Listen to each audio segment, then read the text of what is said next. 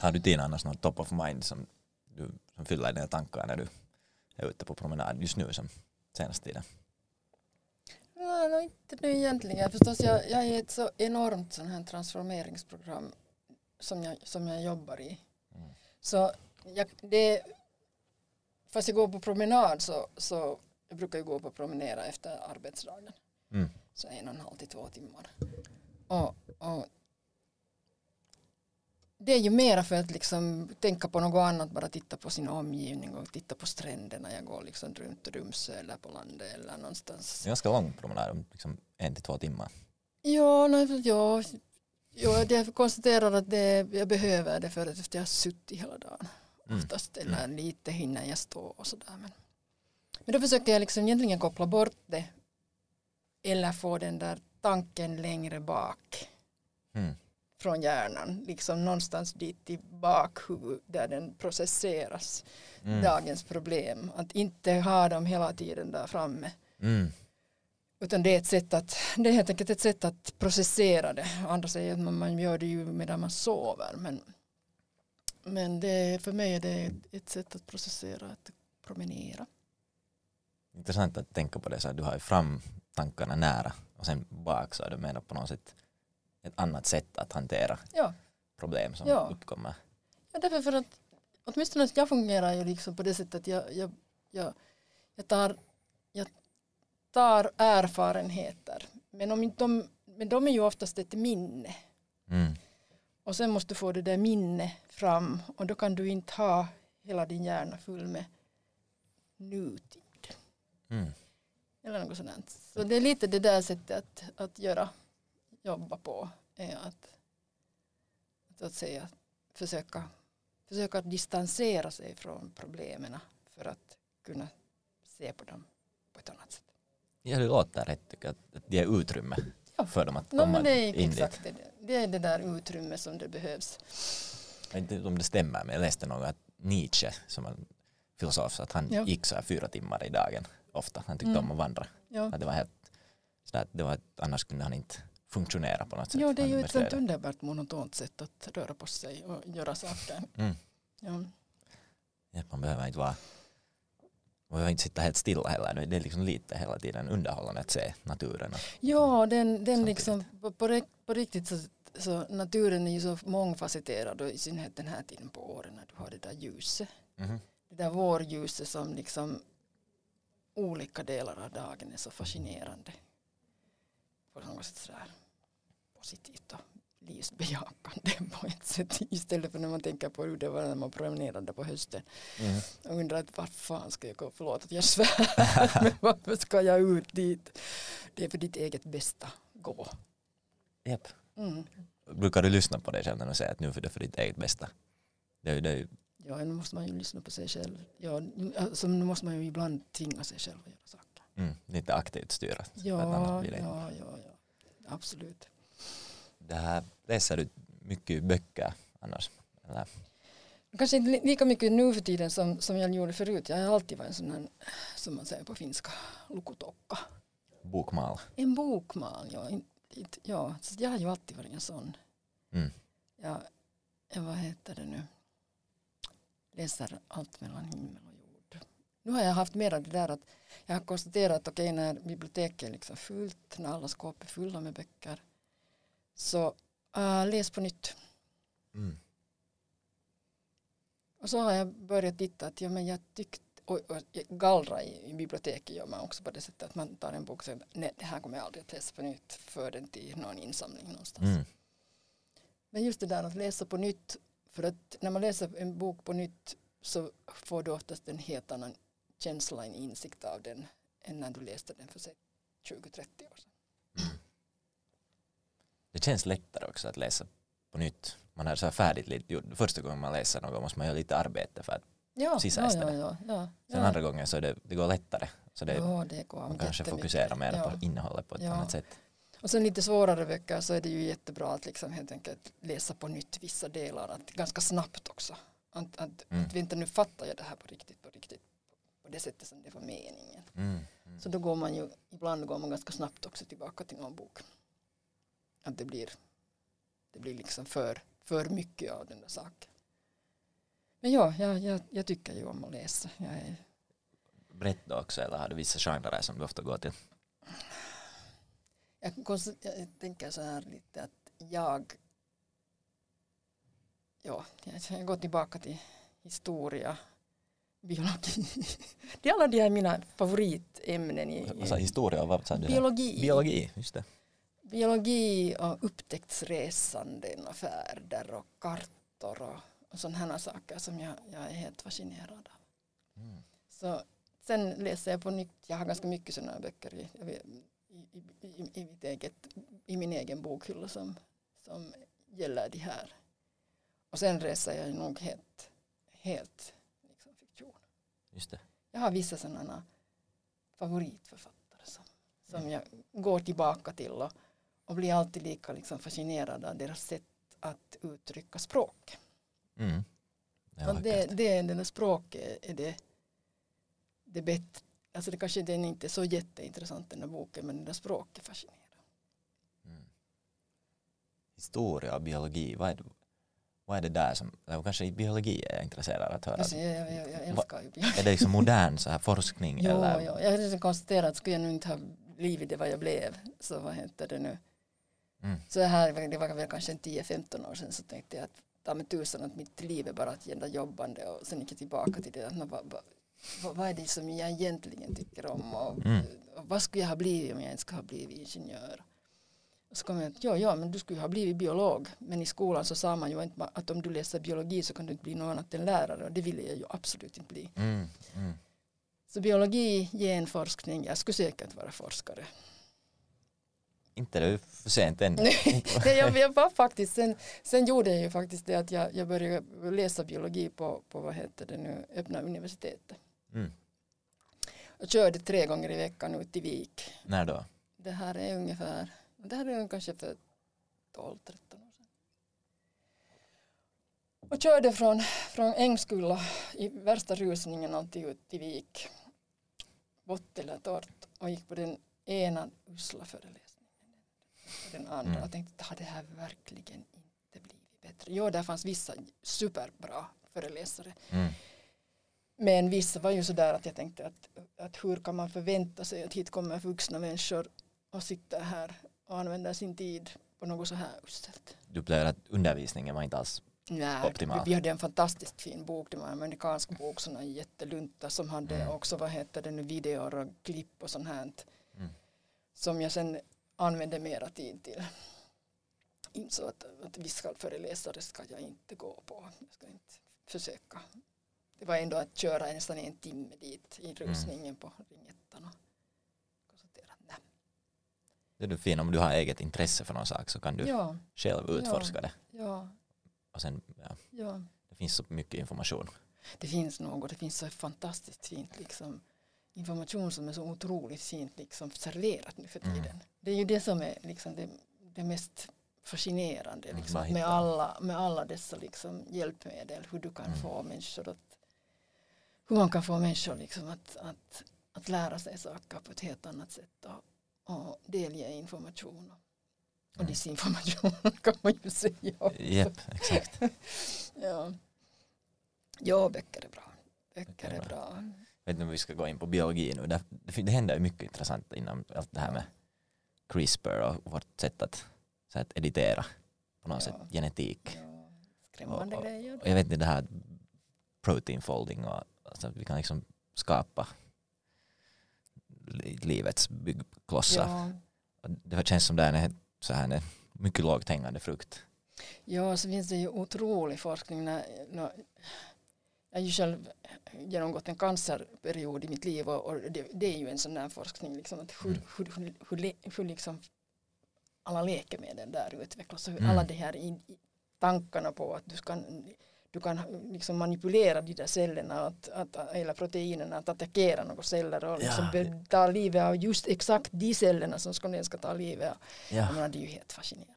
faktiskt att du programmerar på cellnivå ja, någonting. ja, ja. Tänk, tänk, tänk om man ska ha fått vara med om något sånt där. att Bygga, och inte Ja. bygga IT-system kan man ju tänka sig ibland.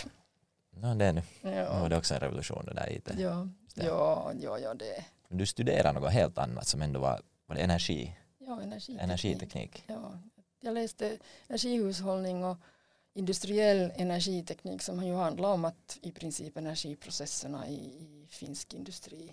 Mm. Sen hamnade du då sen in på en helt annan Mm. Väg. Ja, alltså hur, hände det? försäkringsbranschen. Ja, försäkringsbranschen. Ja, ja, jag Ja. jobbar i princip. Jag, jag, jag började ju, jag får ju genast, alltså ännu då när jag studerade så, så jobbade jag ju på, på det som är nu för tiden Jakob Öry på deras energitekniska avdelning. Där gjorde jag mitt dipparbete och sådär. Mm. Sen får jag som, då när jag genast blev färdig så det var väl en månad senare så jobbade jag i Bryssel på finska ambassaden. Mm. Började jag jobba. Och sen insåg jag att det där, det livet nu kanske inte var det som var menat för mig. Att jobba, jag är lite av en arbetsnarkoman. Jag tycker om att göra mycket saker. Mm. Och så när den tiden, vi talar alltså sent 80-tal, Mm. diplomat, ambassadliv, det händer väldigt lite. Mm. Och du sitter sysslolös och du sitter på kaffe och du sitter på, liksom, det har säkert också blivit annorlunda. Men det, var, det konstaterar att nej, det här är inte, går inte ihop med min, min natur så att säga. Mm.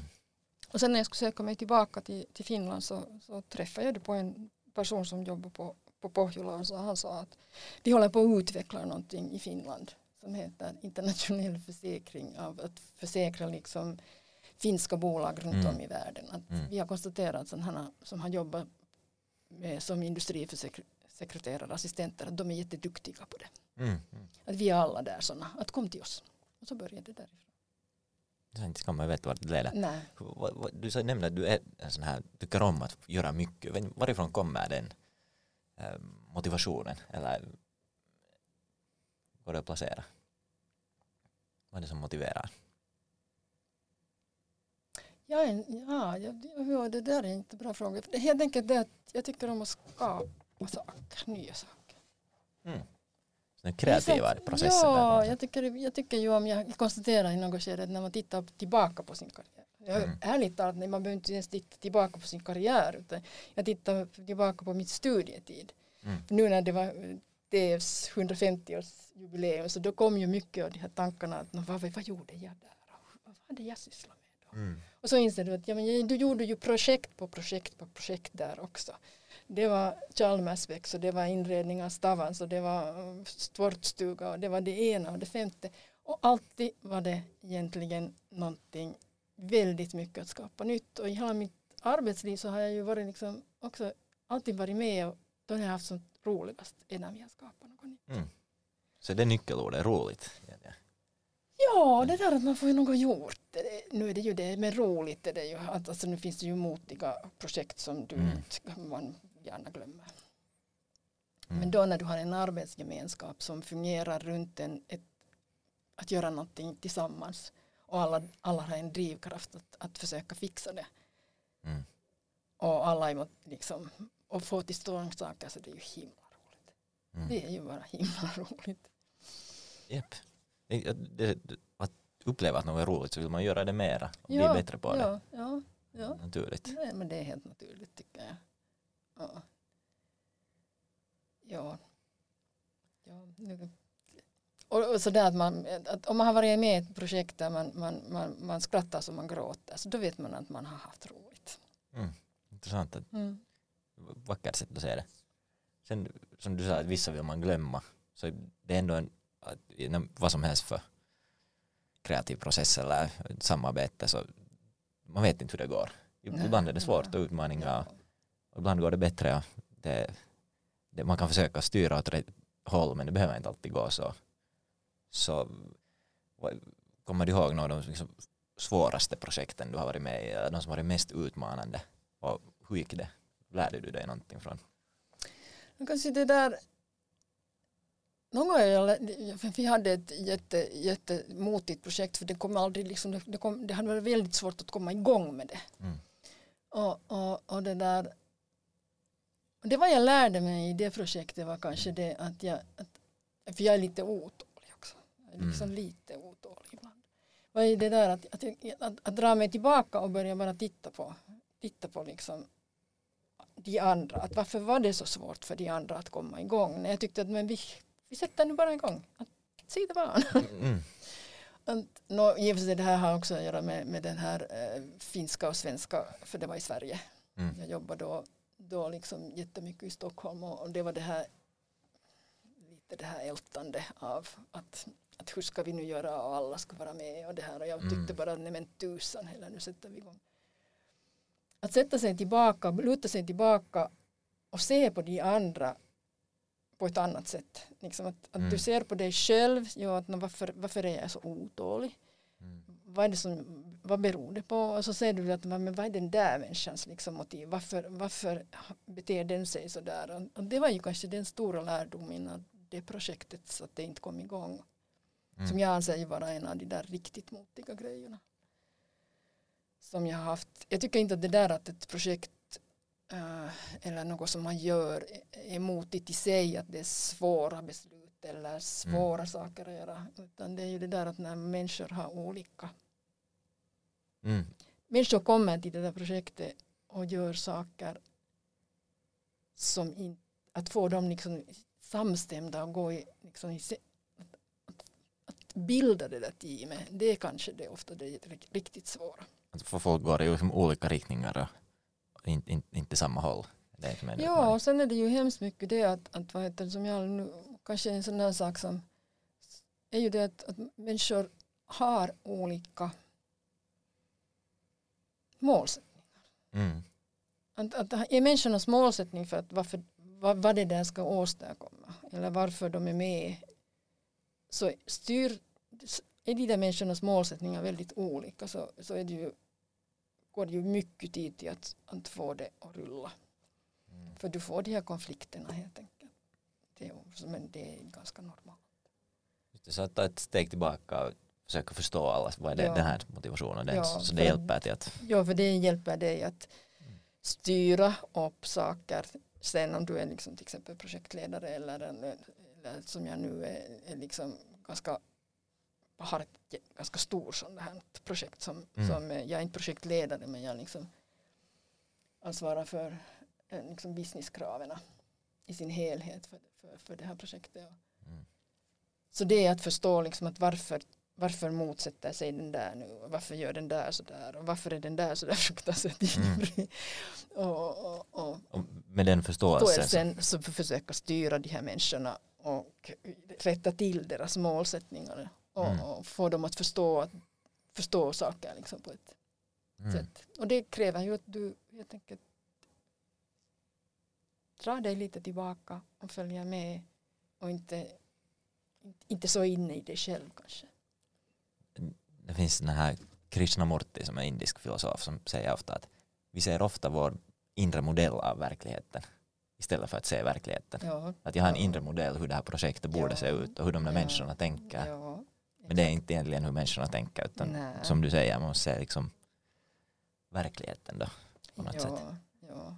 Nej, det där är ju, människan är ju ett ganska egentligen är människan ganska simpla. Människan är så jättekomplicerade men allt kommer ju egentligen också från det att om inte du känner dig själv så hur kan du, hur kan du känna andra människor Precis. och förstå ja, dem? Ja. Ja. Det är ett intressant koncept det där att lära känna sig själv. Man hör det så of, ofta. Mm.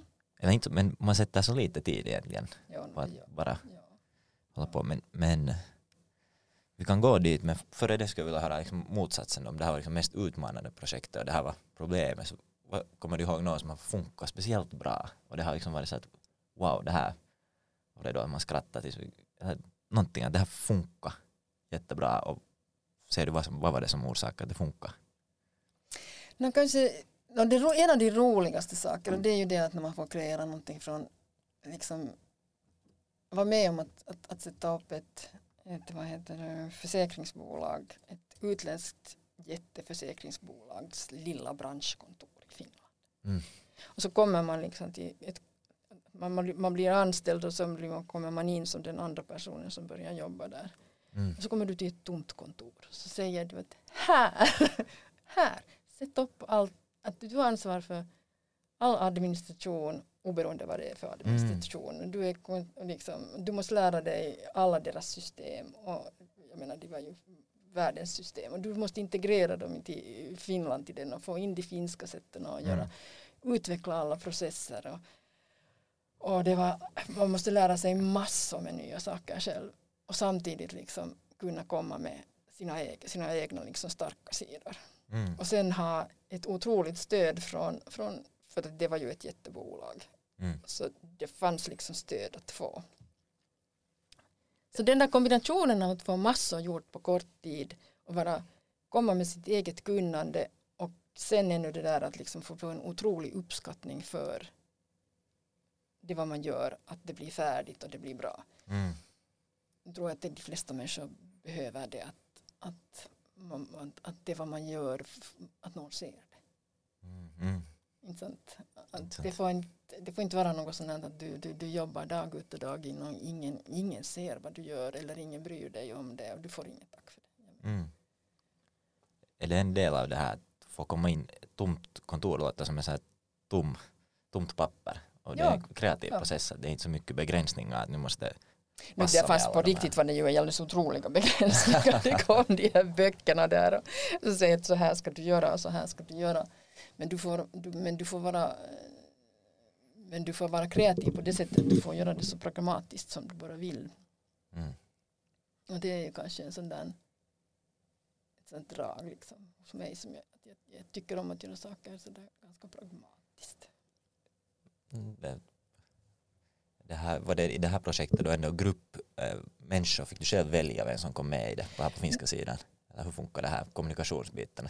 Ja, jag var ju ganska ensam i Finland för att ja, Mm. jag, jag, jag hade ganska, jag jobbade då med, med, ett, med de, den svenska delen av den där, Mm. det där bolaget och, och där var det väldigt mycket otroligt liksom ivriga på att oj ett nytt land och vi måste lära känna och vi får Mm. vet och vi vill göra och vi vill fixa och, och, och hela, den där, hela den där processen var liksom sådär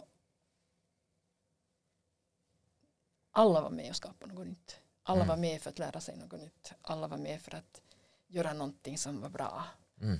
Så därför var det jätteroligt att jobba med det. För att alla var liksom så positivt inställda. Just det. det är, kanske är det mycket potential i luften? Ja, att vi gör något nytt nu- nu ja. kan vi på riktigt göra det här. Ja, ja det här är hundra år sedan men att det där och, och, och grejerna var sätten att jobba var ju hemskt annorlunda och så här så att men den grundprincipen finns ju där. Mm. Tror ändå det nu ändrats så för mycket fast man gör mer invecklade saker eller med andra verktyg. Eller, Mm. utan det är det där. Mm, ja, du har nog rätt.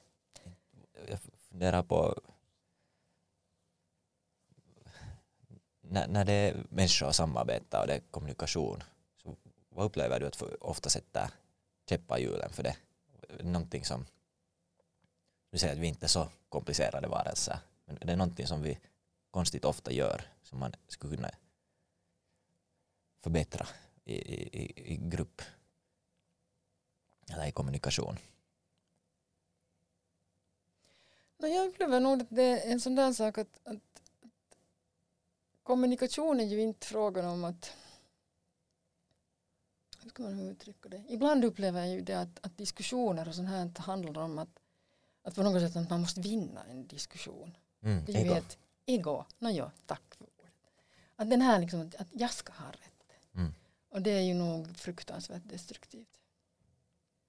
Det inte Så det, det, det är ju så fruktansvärt energikrävande att det, liksom vara i, i sådana diskussioner.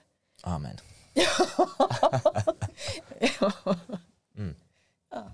Intressant. Energislukare. Riktiga gör det på något sätt så automatiskt. Inte alla men flera. Ja. Mm. Att, nu är det ju som en strategi, är helt, kan jag förstå den, att man vill, för det känns ju bra att vinna. Om du gör diskussioner till tävlingar Mm. så kan du ha möjlighet att vinna mera och det ger dig mera eller testosteron eller endorfiner. Det ger. Att det som, en, som strategi kan jag förstå varifrån det kommer nog. För det, det ger, Mm. men för, för gruppen så blir det en sån här zero sum Ja. game att någon måste förlora för Mm. att du ska vinna. Men jag tänker ofta sådär liksom att Herre Jesus när jag börjar spela något spel Mm. Alltså mm. monopol, ta med tusan jag ska vinna. Vet mm. du? Att, att, liksom, att kommer det därifrån någonstans ifrån det där att vi, är, vi, vi blir lärda att vara tävlingsinriktade och vi kan mm. inte liksom vi kan inte skilja på vissa att vad, mm. vad, vad är tävling och vad är lek och, och vad är mm.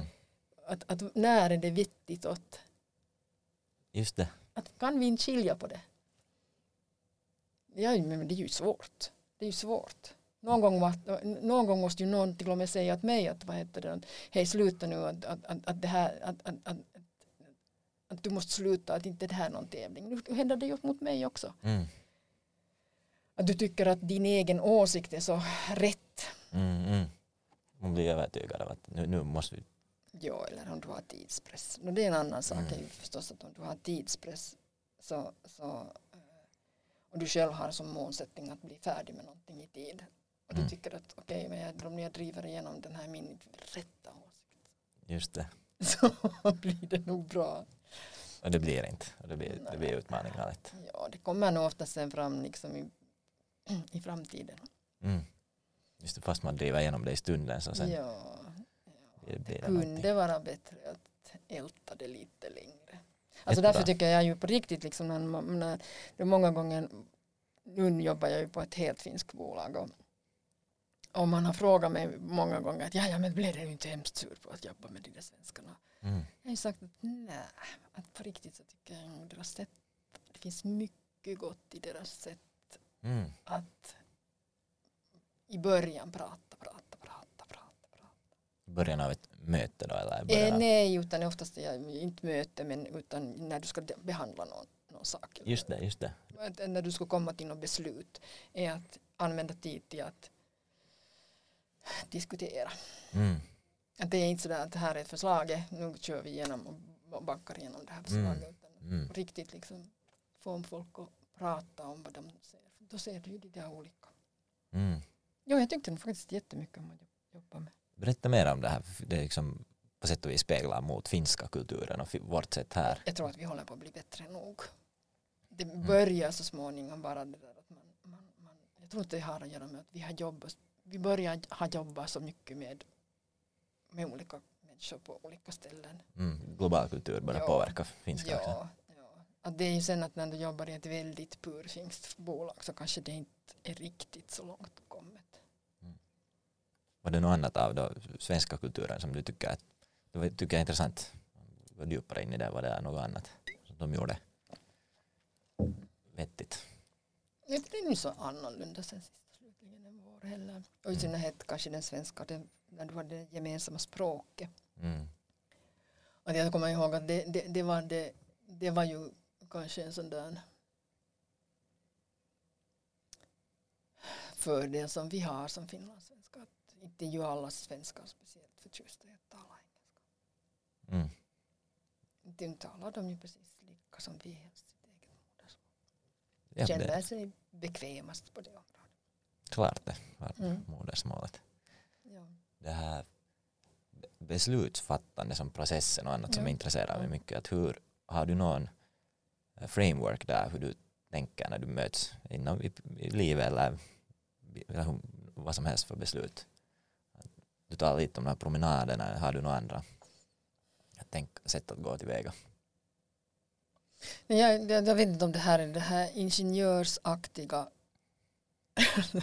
if then else tänkande. Yeah.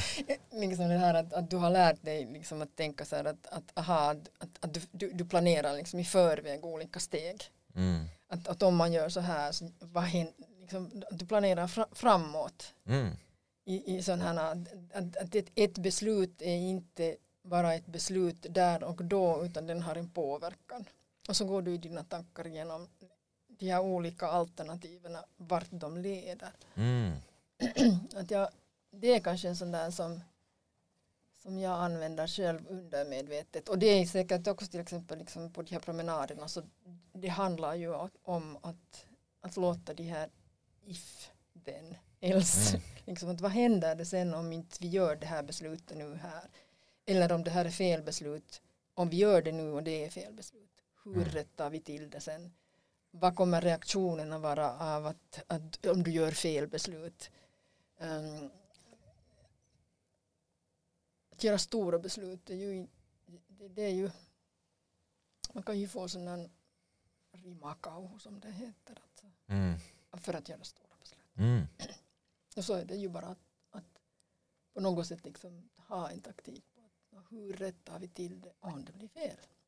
Mm. Så ger det månne mod då att göra ett beslut Ja. också? Att, Ja, det gör det. att om vad är worst case scenario kanske går att fixa? Ja, ja. Eller ja, överhuvudtaget att ha scenarion på att vad händer, vad händer om, om vi nu bara gör det där beslutet. Det är intressant tycker jag att du simulerar, att simulera liksom Ja, långt med, ja, för flera steg framåt. Ja, ja. Tror jag att de flesta Det är nog naturligt för oss. Jag tror nog det är väldigt naturligt för oss. Ja, men, att, ja. Undrar hur, att, hur många gör det medvetet? Vi gör det nog så här till vår natur så är vi jätte så här, Ja. prospektus, tänker Ja. framåt. Mm. Vad- Eller sen är det vi väldigt sådär ingenjörsaktigt att göra det. Ja. Jag vet inte, jag vet inte liksom att de, jag, jag ibland undrar att är det, är det ett typiskt sådant drag som vi lär oss Mm. Eller att, liksom, det, det, det är för att vi jobbar med sånt som vi gör som är väldigt liksom, processartat och, Mm. och, och när, du, när du gör processer så är det ju automatiskt den där, de där beslutsportarna som, som leder till att processerna fördelar sig. Att är, det, är det Mm. det att vi har lärt oss tänka på det sättet från första början som gör att vi tänker så? Jag- Någon gång läste en bok som hette Homo prospectus. Var han, Mm. De beskrev att nu är du att redan från jägaren på istiden som ska fiska för liksom vintern. Mm. Så de har ju förberett det där fiske, fiskande på vintern Mm. på sommaren med att fixa de här Ja, nätterna och gjort ja, att, ja. att- det är nog naturligt i, i oss. Men Ja. sen hur systematiskt man gör det och hur.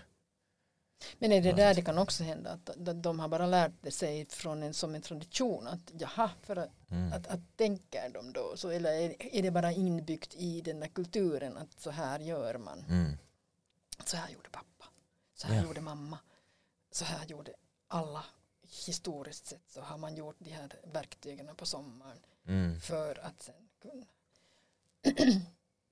Mycket upplever eh, ritualer eller så här man gör för att någon säger att man ska göra eller för att det har gjorts så förut. Men, Ja. in, men i, eh, mer skulle gå tanke till att varför egentligen Ja, den processen. Att, ja, vad, den, den, det är så lätt att just bara ge en, en formula och nu gör jag så här. ja. Men istället att berätta att varför lönar det sig att göra.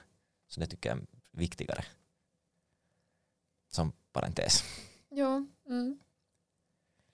Men eh,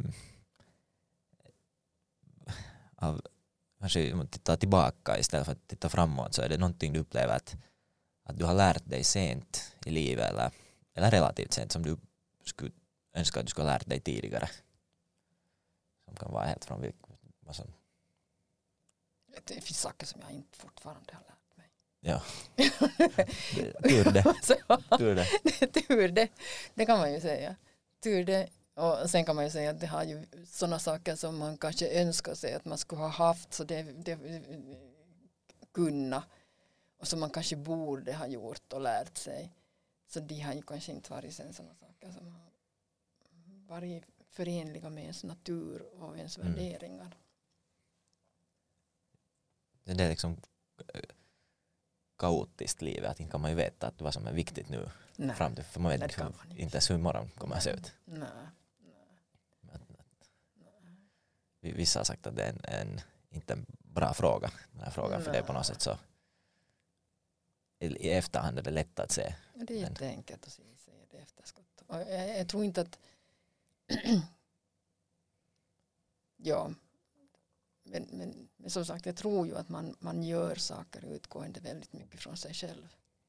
Att gör man inte det är kanske en sån här viktig lärdom som inte är ju att man, man ska man ska göra saker som känns bra för en själv. Att det är kanske en sån där Mm. som jag kanske lärde mig. Ja, alltså på ett sätt kan man ju säga att ja, jag har ju nog alltid gjort det men det har ju alltid gått lite väl långt. Att sen när jag har Mm. inte tyckt om mitt jobb så liksom den här med den här finska sisun bara liksom, Mm. nu, Mm. jag ska klara det här. Jag ska klara. Istället för att säga att men vet du vad, det här är nog inte jobbet för mig. Att det här Mm. är inte nu riktigt det som jag vill göra.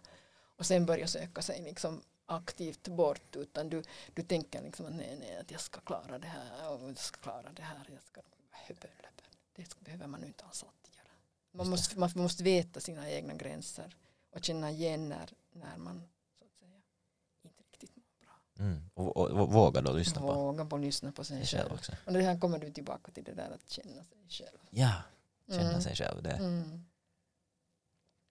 Det man ger ju hela tiden massa signaler och känslor. Och, alltså ja. kroppen och undermedvetet kommer det men vi lyssnar inte alltid heller. Man, man pushar igenom och man säger det är inte viktigt nu det där. Ja. Jag har den här stora planen som nog på riktigt är bäst. Ja, och säkert som ung så har man säkert jättemycket mera planer än, än när man har kommit lite längre i livet. Mm. Alltså det, det, finns, det finns det utrymme att lära känna sig själv som riktigt ung. Mm. Det borde ju finnas. Mm. Men sen igen utvecklas man ju så otroligt mycket som människa. Yep. Man, man är ju inte färdig som något 25-åring eller något sånt. Här. Man är ju så mm. långt ifrån färdig. Mm. Ja, man lär och sig. inte man ju färdig någonsin egentligen. Ja. Tycker jag kanske att det, det är kanske en sån där. Ja, varje stund är ändå ny på något sätt. Att det kan ja, likna något tidigare. Ja. Men ändå... ja. Och jag, jag tycker ju att liksom jag lär mig hela tiden. Mm. Det är ju det roliga med varför, varför det är roligt att jobba och varför det är roligt att göra, fast vad, inte behöver det ju vara jobb, men att, mm. är ju att lära sig nya saker. Mm. Det är som en grundvärdering att, det är roligt att lära sig nya saker. Sen kan man fråga sig varför vill man lära sig, är det roligt att göra det, men gör man det för att underlätta saker i framtiden också? Ja, det, vet jag, det vet jag faktiskt inte om det är det kanske inte är så viktigt. Det är den inte, jag tror inte heller att det är viktigt. Jag tror mm. att det jag tror faktiskt att det har mer att göra med det där att få, få, få tillfredsställelse i att vad man gör för tillfälle. Mm. Av att, att liksom. Andra människor kanske inte vill lära sig något nytt. Ja, inte De får kanske tillfredsställelse i att, det är, att, att saker och ting är konstant. Vi människor är bara ganska olika. Mm. Funtade funtade ordet. Ja, funtade. Jag undrar just om det finns funt, ordet funta i, ja, jag, jag, jag, visste inte vad det betydde när jag hörde det här okay. tidigare år första gången. ja, ja. Det låter som, funt, som något som en så här smed skulle syssla med. Jag vet inte. Liksom, ja. Och det var ju det här när man jobbade i Sverige. Mm. Och sen när folk i början när de inte kände mig och så här, så så här, så här, de vågar ju inte komma och säga åt mig att de förstod vad jag sa. Ja. Det blev lite missförstånd och så här. Så, så jag kommer alltid ihåg den här att vi satt och, vi satt och väntade på att ett möte skulle börja i Stockholm. Och så satt vi där då, min vän Åsa och jag och pratade strunt. Mm. För att vi väntade på att projektledaren, liksom, huvudprojektledaren skulle komma in. Och så knackade han på dörren och tittade på oss. Och jag inte vet jag, kommer inte ihåg vad vi pratade om. Mm. Och så säger han att ja, jag stör jag att, att, att mötet ska ju börja nu. Och så säger jag att ja, ja men vi sitter ju bara här och snarvlar. Då han går ut.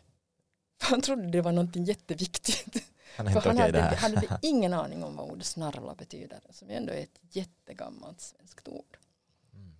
Vissa tycker att vi talar att bättre svenska här nu i Svenskfinland. Än ja, vi talar gammaldags svenska kanske. Ja, mera modern. Ja. Hur man nu ser på det ett, ett, annat sätt att se på den här frågan, vad man önskar sig att lärt sig tidigare, så att tänka det ur att vad ska man nu vilja ge för råd till då någon som studerar eller just håller på att bli klar så här. Det har kommit några redan nu så att lyssna på dig själv och mm. gör vad du tycker om och det är ganska bra mm. dit. Men utöver det är det något som kommer till tankarna från den. Jag börjar, mm. Det är kanske en sån där sak som, som är, är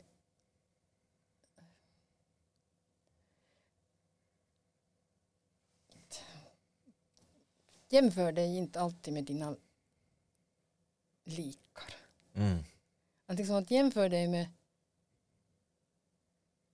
jämför dig själv med någonting som du kanske skulle vilja vara eller, eller, eller om du söker dig själv så jämför dig inte alltid med sådana liksom din närmaste bekantskapskrets. Mm. Att hur man ska göra och så här. Mm. Eller på jobbet liksom de närmaste liksom, människorna som jobbar. Sök liksom det lite vidare. Mm. De här. I, där, du, där, där du söker liksom svar på, på hur, hur du ska bete dig eller hur- hur du ska, vad det finns för lösningsmodeller eller sätt att vara eller något sånt. Den kanske. Mm. Det är så enkelt att falla in i de där små cirklarna. Jätteklokt. Mm, men kanske, naja. Jag tycker i alla fall att det är bra. Det, det är så lätt att göra alltså. Det, det, därför tycker jag det är bra att säga explicit. För att man automatiskt jämför med, Ja. med de flesta. ja. Lätt. ja, det är, så kanske man får fel uppfattning om sig själv. Mm. Har du andra, eh, det här då att lära känna sig själv, det är någonting som man gör i, så kontinuerligt genom livet så märker man ju hur man beter sig och hur man Ja. tänker. Men har du där några andra processer? Har du några rutiner eller någonting kring det? Eller allt från det, rutiner och rutiner, det, det, det är ju i vissa skeden av ens liv som man lär känna sig själv allra bäst. Om, Mm. man vågar, om man vågar se sig själv då. Det är ju med och motgångar. Jag tror att människor har en enkel, det är alltid enklare för människor att titta på, liksom ta reda på sig själv när det är motgångar. Mm. Men man borde ju göra det också när man har medgångar. Mm. Att då när det går riktigt bra, så var, var precis som du, det här samtalet egentligen när du sa "Nå, var, när har det varit, att inte bara tänka att "Nå, när har det varit motigt utan när har det varit roligt och varför har det varit roligt. Mm. Mm. Men, men människorna har ju en, en tendens att, att det är då när det riktigt går åt skogen, att det är då man ska liksom gå in i sig själv. Ja, exakt. Och då är det så här tung process. Ja, så det varför ska det inte vara då att kä- lär känna dig själv också när det är som bäst. Mm. Jag är jättebra på det. Då när det går som bäst. nej, nej, nej, nej. Sånt det, där. det är kanske en sån där sak som man borde ha gjort bättre, mer själv. Ja, inte, inte vill man ju stanna upp och funsa då i och för sig. Att när det, ja, att det så, du har flyt på. exakt.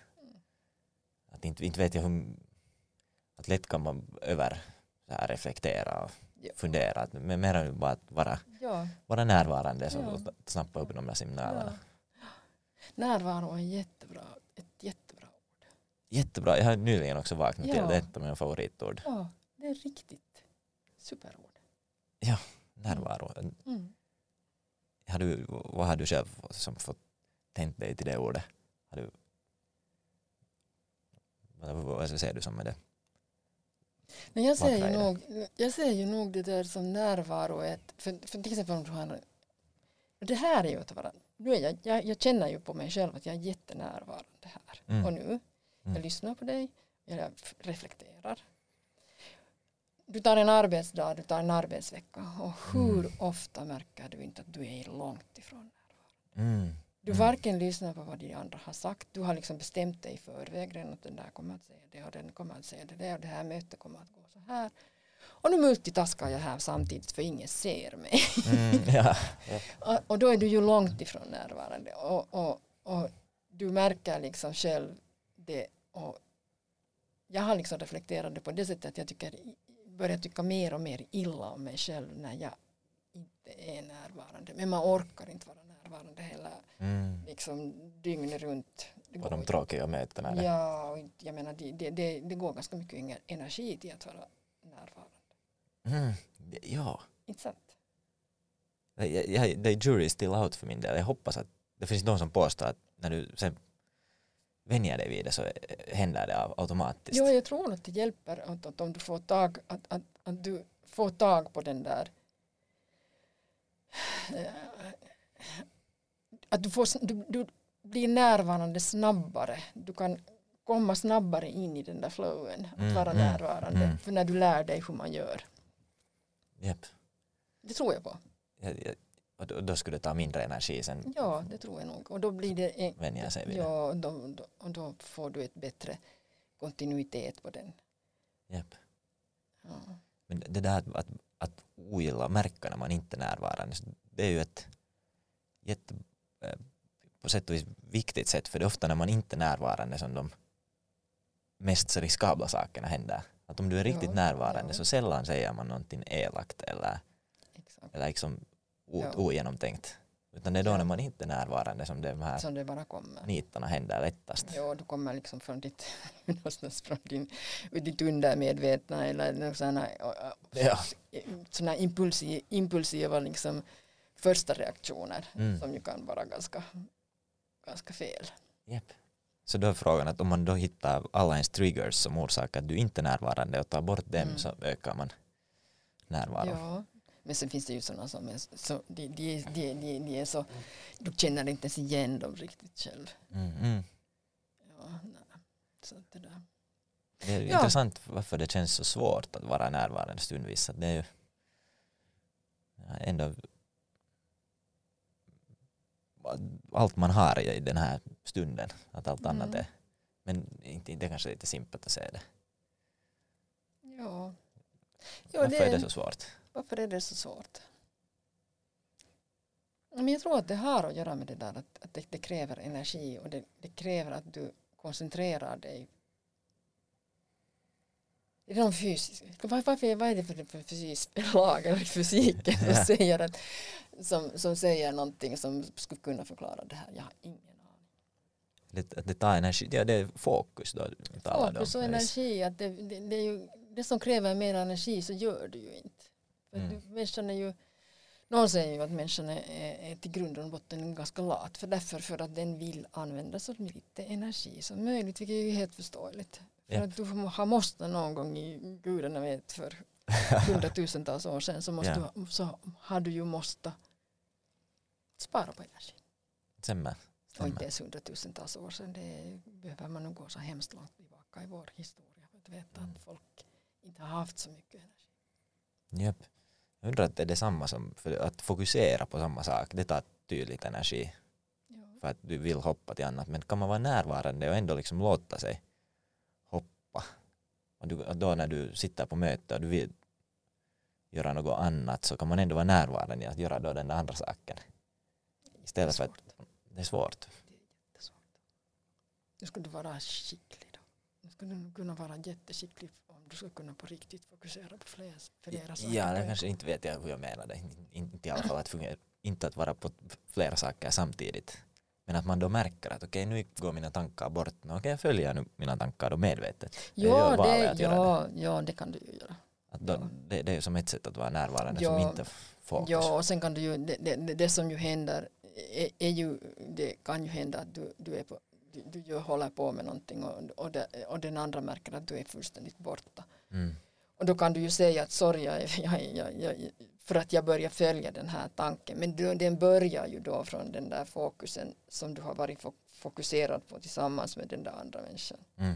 Och så har du, så har, men, men, men de flesta gör ju inte så, utan de har flera saker på gång samtidigt. Och det kommer utan att liksom Ja, tanke upp. Nej, du har inte, det, det, det, det är inte en följd av, du, du, du, din fokus skiftar inte på grund av att du har någon gång haft ett gemensamt fokus utan det skiftar därför för att de här människorna har flera fokus på samtidigt. Mm. Ja, det här multitaskande är ju nog, det är ju kanske nog den här coronans liksom en av de värsta dragen som den har kommit till. Verkligen. Jag, Ja, det måste jag säga att det, det är riktigt, riktigt. Jag tyckte att före, före corona så fanns det ju redan den här, förstås när man själv har varit så länge i arbetslivet. mm. Mm. Så det börjar med att du, du märker att någon inte är fokuserad när den sitter och ritar i sitt häfte. ena bilden efter den andra. Och sen börjar det ju vara det här att, att folk satt sig bakom sina läppar. Mm. Du har den där läpparskärmen liksom framför näsan på folk Ja. och, och sen så ser du bara att, att, att, att inte gör de några anteckningar eller. Du jobbar med något annat på det där samma, du är i samma rum Helt pockarna. och sen, ja, helt pockarna. Och till och med liksom chatta med varandra om något annat, att vi löser, att det här är ett stupidt möte, att vi fixar den här här. Intressant. Ja, sådana har jag också varit på. Och nu är det ju så osynligt. Mhm. Nu är det där multitaskande blir så fruktansvärt osynligt. Märks det inte sen ändå när det Jo, kommer det till mellan varven att oho, nu har den här inte varit där. Ja, nu märker man det. Mm. Ja. Det, vad, vad ty, det, det är ett problem. Som inte, Ja, jag, liksom, tror att det, jag tror att det är ett problem nog. det är det att folk inte är medvetna att det påverkar. Liksom. Det, det är så svårt att stoppa. Ja, jag vet inte. Det som jag har tänkt på jättemycket är företagskultur. Mm. Att liksom att Mm. Hur kan ett företagskultur berätta åt dig att du ska inte multitaska? Mm. Jag tycker det är intressant det här också. Ja, att, att vad, vad är det för en företagskultur som tillåter dig att inte koncentrera dig på det vad du gör och ska vara där och göra just då? Det kopplar ju till vissa livsfilosofi att, att hur lönar det sig för dig att leva ditt liv? Att ska du Mm. hålla när du leker med barnen samtidigt kika där något annat? Mm, ja. Och är det företag, för företagskulturens roll att påverka den här aspekten av och det där är ju nog i, i det här fallet så är det ju nimenomaan ja, för det, det, är ju, det, det är ju business. Ja, men Ja. Det är ju business om någonting är att, att äh, den tid du ger åt det där företaget. Så Mm. nu, ska vara effektiv. Ja, nu inte behöver den ju vara. Kan man, nu, Det var lite jo, hårt. Det, det var lite hårt sagt. Men du, det kräver ju ändå att du, du följer vissa... Du får till stånd någonting och, och, och, Mm. och, och, och du ska vara så att säga ja, no, produktiv det rätta ordet. Den tid ger du ju, du får ju betalt för den tiden som du är där. Så hur skulle företagskulturen kunna använda de verktyg som finns för att ändra det här i människor? Hur ser du att det skulle kunna ske? Ja, det, det, jag tror, jag är helt övertygad om att det finns jättemånga bra sätt att göra det på. Mm. Men, men eh, jag var i något skede så var jag, jag var någonstans, jag kommer inte ihåg, var jag i Danmark eller någonstans på något sånt där. Och det var vi gjorde, vi gick in på något möte och alla skulle, och jag menar det här är ju jättelänge sedan, för då Mm. hade vi bara de där kännyckorna som alla Mm. räknade på. Och så, så alla måste lämna den utanför. Mm. Är Så var mötet bara jäkligt mycket kortare. Ja. Sådana små grejer finns det säkert hur mycket som helst av. Säkert på, det skulle finnas liksom eh, verktyg för och det finns säkert, jag har tyvärr bara en försäkringsbranschen nu kanske lite gammalmodig, Mm. Mm. lite.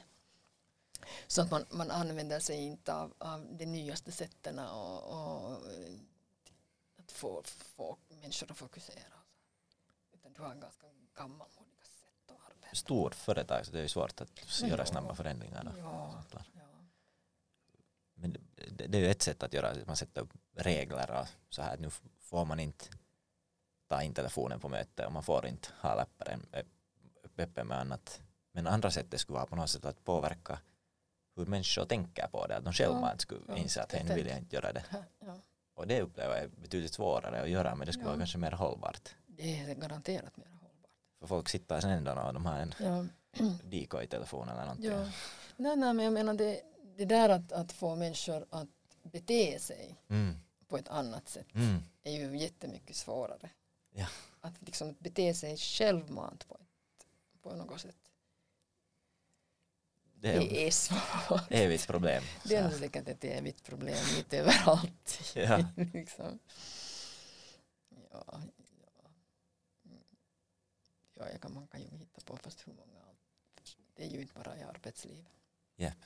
Vi har nu funnits så länge här, människor och kultur, och vi har inte ännu hittat någon vettig lösning, så det tyder på att det är ett svårt Ja. problem.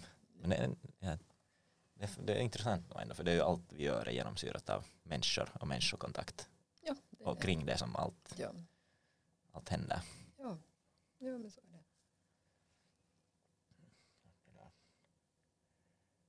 det. Har du senaste tiden eh, konsumerat någon intressant kultur?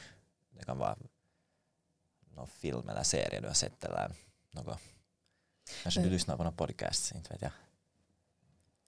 Jag lyssnar ju helst på musik. Jag, Mm, jag, det är ett exempel kultur. jag har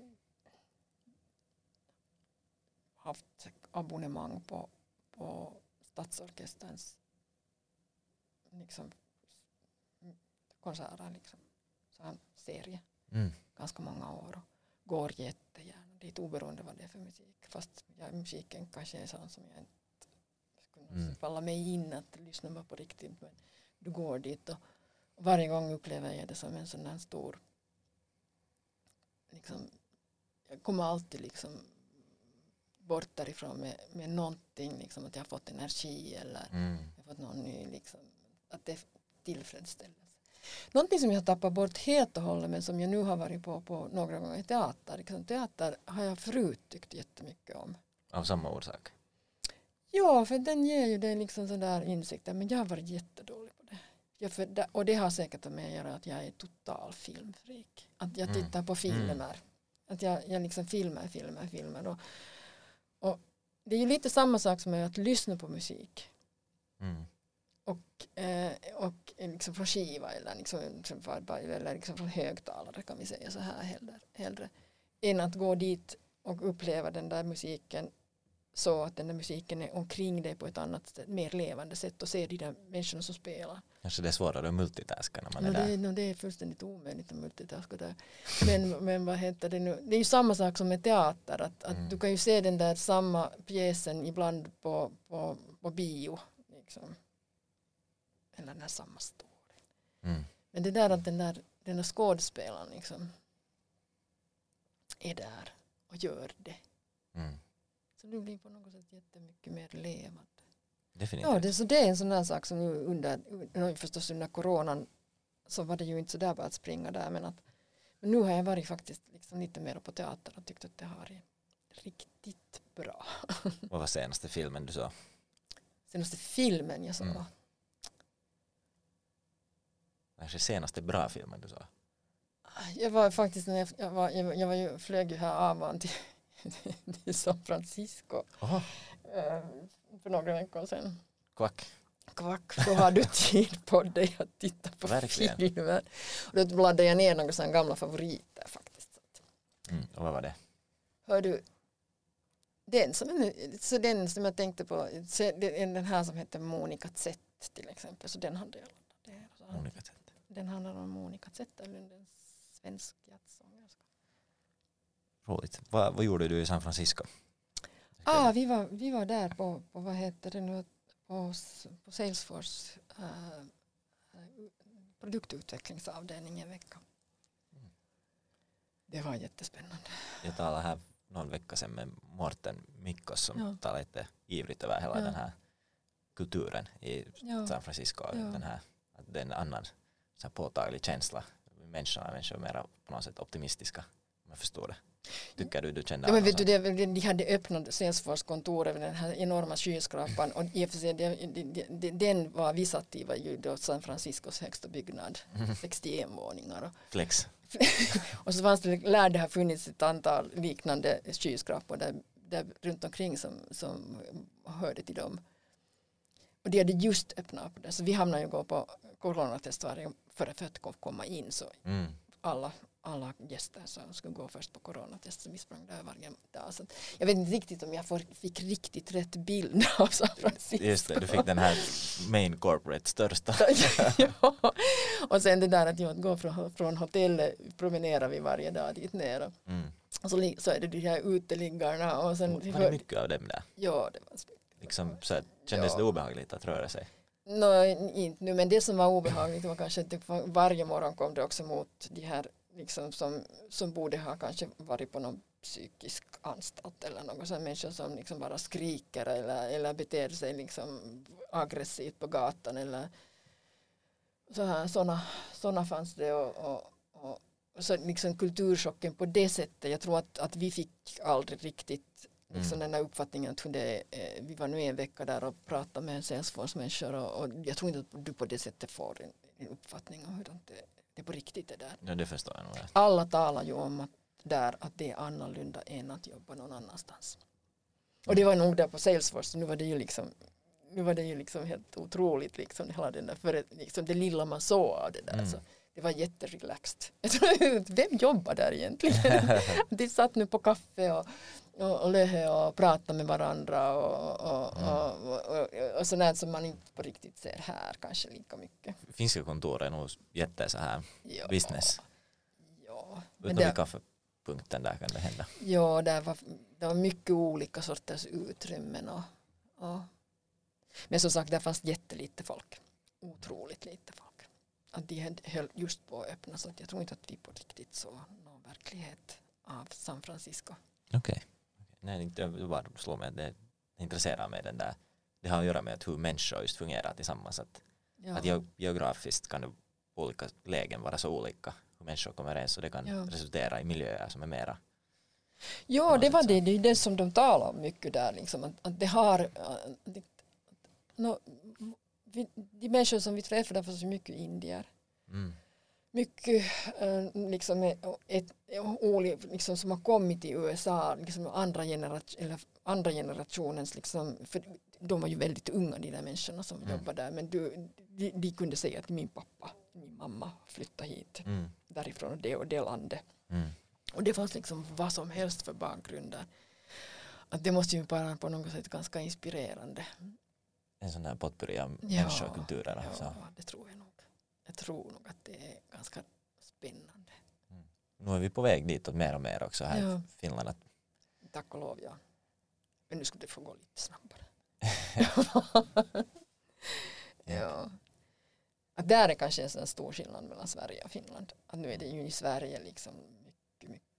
Men de har så långa traditioner med att ha att det har kommit invandrare dit. mm.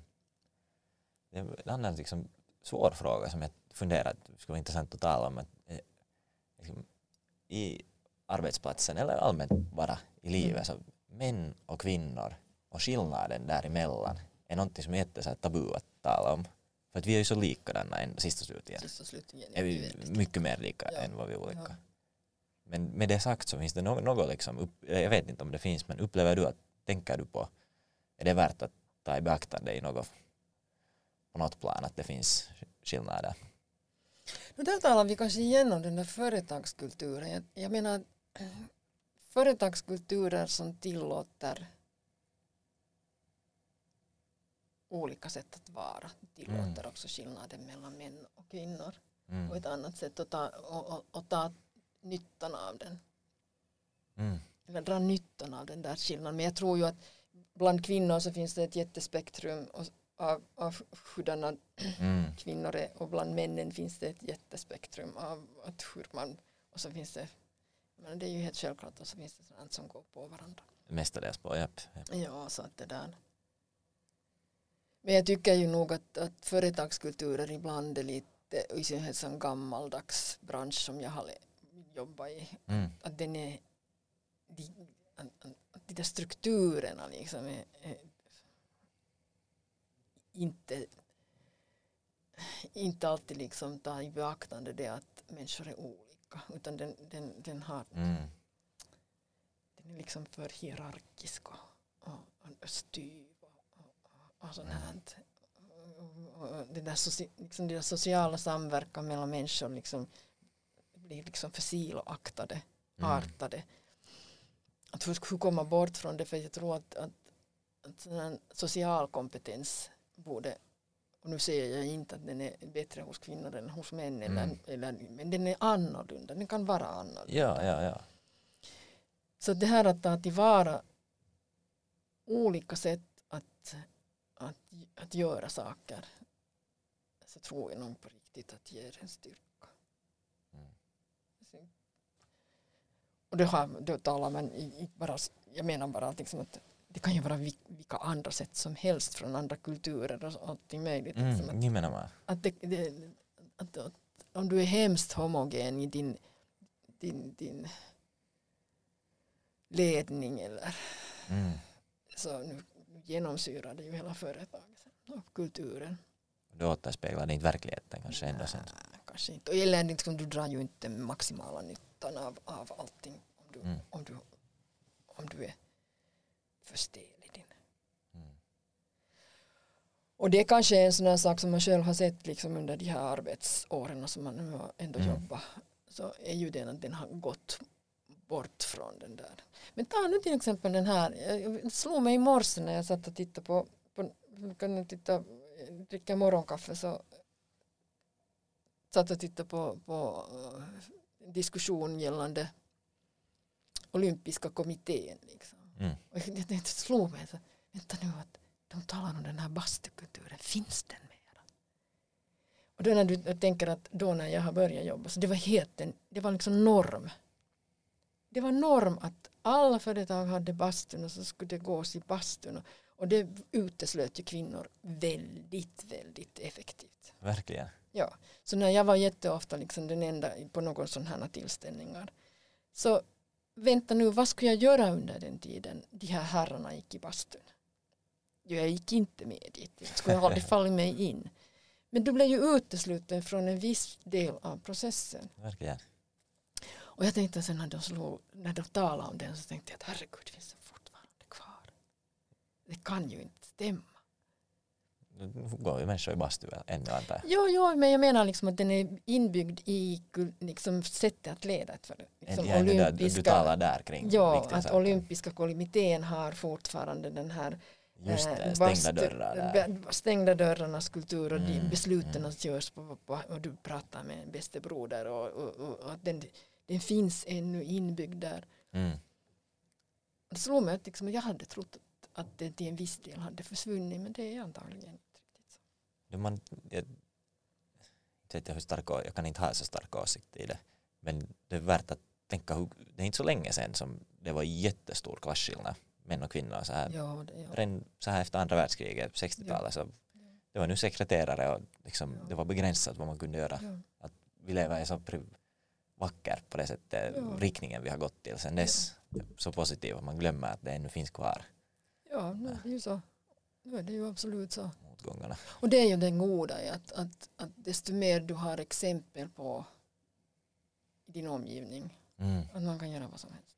Mm. Vem som helst, liksom, det har inte att göra med kön, Mhm, så desto mm. bättre är det. ju. Just det här, vi, vi, vi ser att om någon annan kan göra det så då kan Ja. jag. Det är så lätt. Att, att jag tänker liksom alltid på mig själv, liksom, varför att, att kommer alltid ihåg när min pappa sa att ja, men ingen kommer ju någonsin att anställa dig.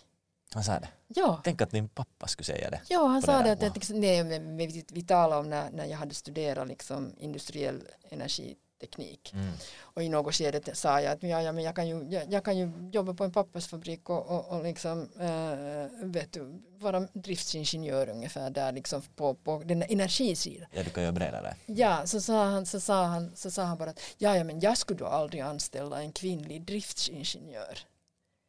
Att det gör Ja. man ju bara inte i finsk industri. Just det här. Att du måste lära dig något annat. Att, att, vad heter det, gör någonting som inte de här killarna kan. Att, internationell handel eller något sånt här. Eller internationella affärer eller något. Och det, och det var ju sen det vad jag gjorde. Mm. Mera att, att, att bygga på det som, som någonting som, är, som inte alla kan. Mm. Det kan, ju- ett bra råd i och för sig. Jo, det var ett jättebra råd. Men det kom från fel ställe. Det kommer liksom från fel ställe men det berättar kanske om den här, den här transformationen som har skett på 40 år. Mhm.